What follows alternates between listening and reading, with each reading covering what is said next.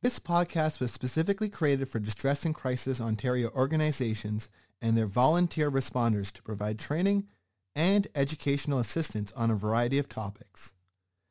As information evolves and changes, these podcasts are meant to offer ongoing support with the goal of updating them on an ongoing basis. We thank the volunteer responders and the contributors to this podcast. Please visit our website, dcontario.org, for more information and how to access free mental health services. Thank you.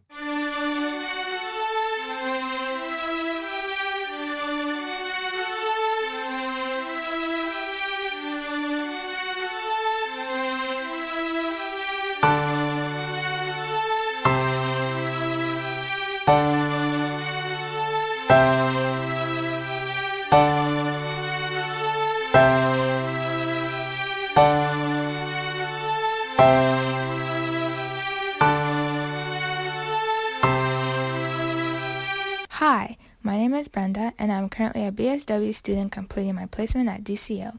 In this week's episode, my co-host Caitlin, who is a program coordinator with DCO, interviews Laura, an employee at the Working Center, to get her perspective of hope while working through the pandemic.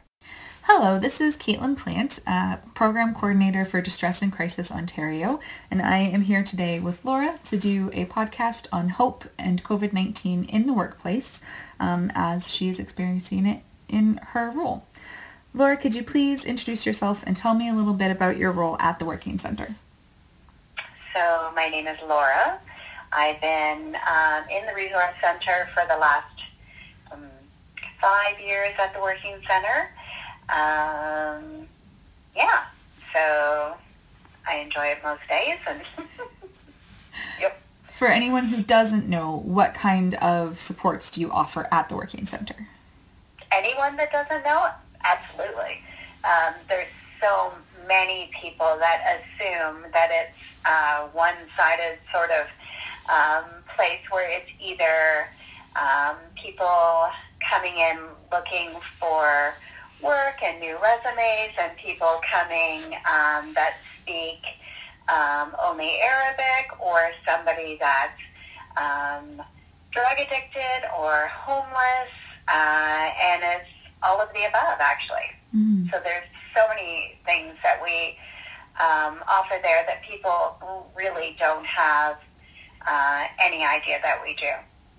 Okay. But the main uh, service that you offer is to help people find employment? That is the goal of the working center. Yeah, it's to it's a safe environment. Um, prior to COVID, to come in to job search uh, on public access computers, but also to see employment counselors have a resume done. A lot of professionals from different um, countries coming. Um, yeah. yeah. So, bit of a change of subject, but how would you personally define hope? Hope is a, a feeling I think we all hold uh, to some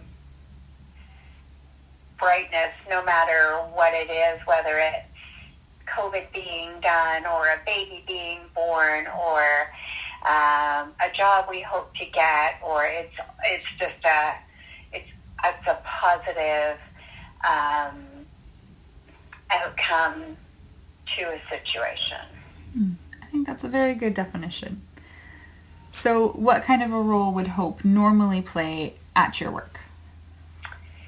Uh, so normally, um, if you were coming in looking for a job, um, the the hope uh, would be that you would get like an awesome resume and um, you would be helped uh, to to do some job searching and ultimately a goal of employment, uh, whether it's survival based, uh, you know, just to get you some money to the end of the month, um, or if it's actually what you want to do for the rest of your life. Um, that would be the hope for the employment um, end of it. Has COVID-19 impacted that at all? Absolutely. Um, you can't just uh, walk in anymore, as you can't in so many places now, but you Mm. can't just walk in anymore. Uh, we have uh, a limited interaction with an employment counselor who's now um, behind plexiglass wearing goggles and a face mask, uh, trying to do everything they can do for you in 30 minutes. Um, you've been screened at the door and asked all of the COVID questions. Um, we don't take temperature, so I think that would probably be the only difference.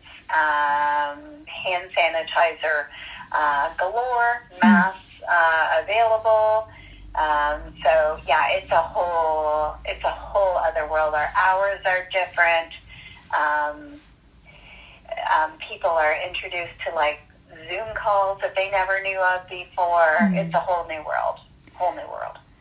So, with all of these changes and what sounds like changes that can be very overwhelming, not just for you as the person enforcing all of these changes, but the people coming into this environment, how have you been able to instill hope for yourself, for your coworkers, and for the people coming through the door?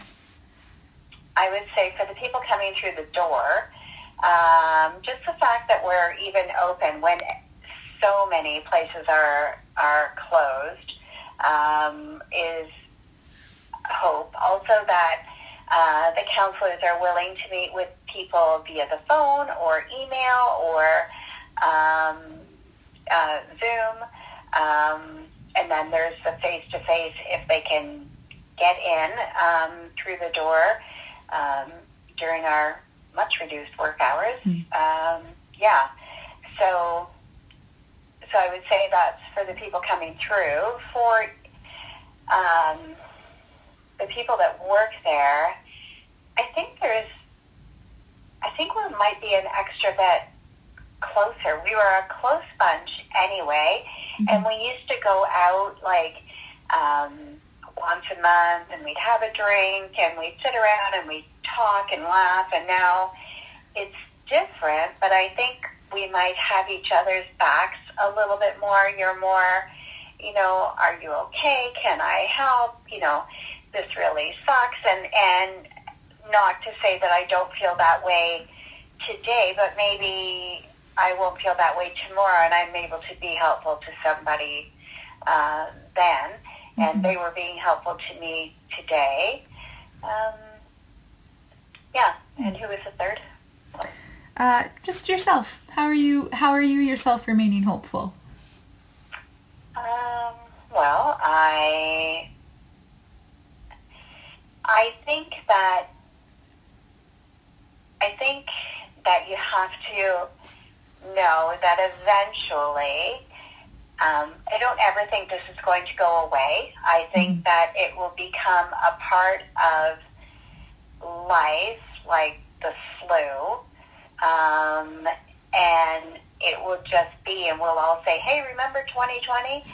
and it'll be a thing. But there's so many positive things that happen. Like you watch, like um, Amelia, and it's amazing in a personal aspect to see somebody, um, to see people come together, teachers and children, and, and just people in general are just trying to be maybe a little bit kinder um, to each other. And then, you know, on another personal level, um, you know, to have to have the the contact that I have with like with like you guys and Theo and and my kids. And you know I miss my mom. And you know it's just it's it's all I don't know. I think we're just it's just going to be something we'll get used to.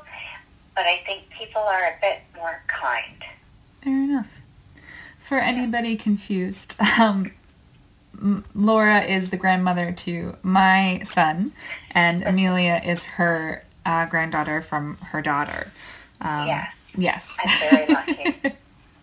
um, okay, so do you have, uh, aside from what you've already shared, any stories about hope uh, during the pandemic that you can think of? Wow, there's, you know, I think that I like I don't specifically. Um, you know, there's a gentleman that comes to my work every day to say hello, Mm. and he does. We do an elbow bump, and he is he has skin cancer very very badly, and he comes by with doctor's updates, and he like it's just amazing to me that he still seeks support from us in not us but me in that way Mhm. um, and that I'm grateful uh, I'm grateful for that and I'm grateful for him that he's willing um, to share the uh, you know a part of his life with me Yeah, he still seeks So- that connection. absolutely Yeah. yeah, absolutely yeah yeah it's very cool Yeah.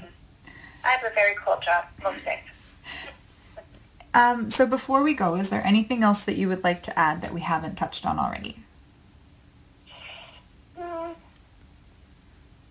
I don't think so. I, you know, I just, I just, I do believe that the world is a little bit kinder.